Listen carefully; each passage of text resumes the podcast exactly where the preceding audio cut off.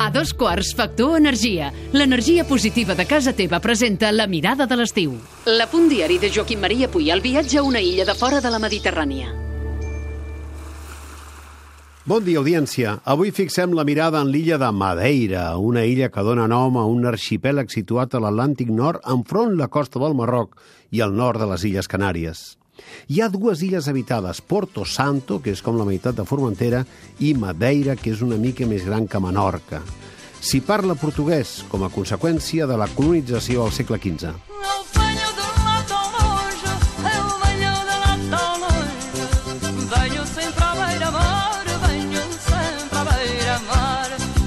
Estem escoltant Bailinho de Madeira, interpretat per l'artista portuguesa Linda de Sousa, una especialista en cançons tradicionals del seu país. Vaig anar a Madeira l'any 1988. De fet, m'hi va portar un transatlàntic que anava de Miami a Barcelona i que hi va fer escala. En aquell viatge vaig fruir de molta tranquil·litat i vaig aprofitar per escriure tant com vaig poder.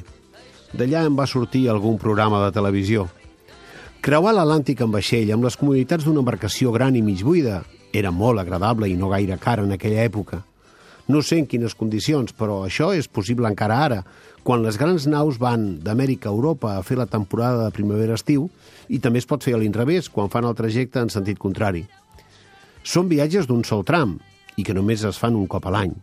Això sí, t'has d'amoïnar de com anar o tornar al punt que et convé. Ara a Madeira hi viuen al voltant de 250.000 persones i a l'aeroport de Funchal hi han instal·lat un bus de Cristiano Ronaldo que segurament deu ser el personatge més popular nascut a l'illa. Fa 30 anys, Madeira em va semblar un lloc humil però agradable.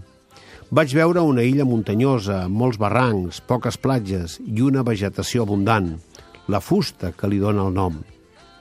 Ja aleshores la volien fer conèixer com la illa des Flores.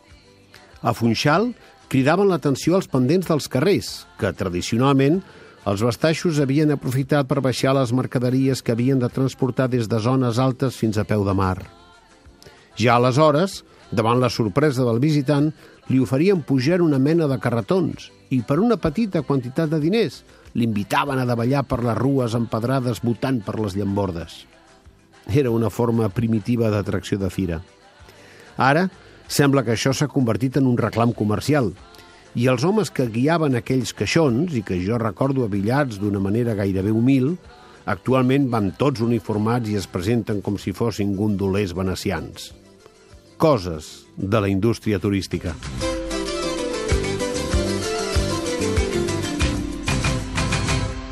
La mirada de l'estiu és una exclusiva de Factor Energia. En Manu, el Minimans, Manis pels amics, no, ha contractat la llum a Factor Energia i no, No. s'estalvia un 12,5%. Manu, contracteu tots la llum. A factorenergia.cat i no farem més anuncis. Per fi hi ha una altra llum. Factor Energia. Empresa col·laboradora amb la Barcelona Equestrian Challenge.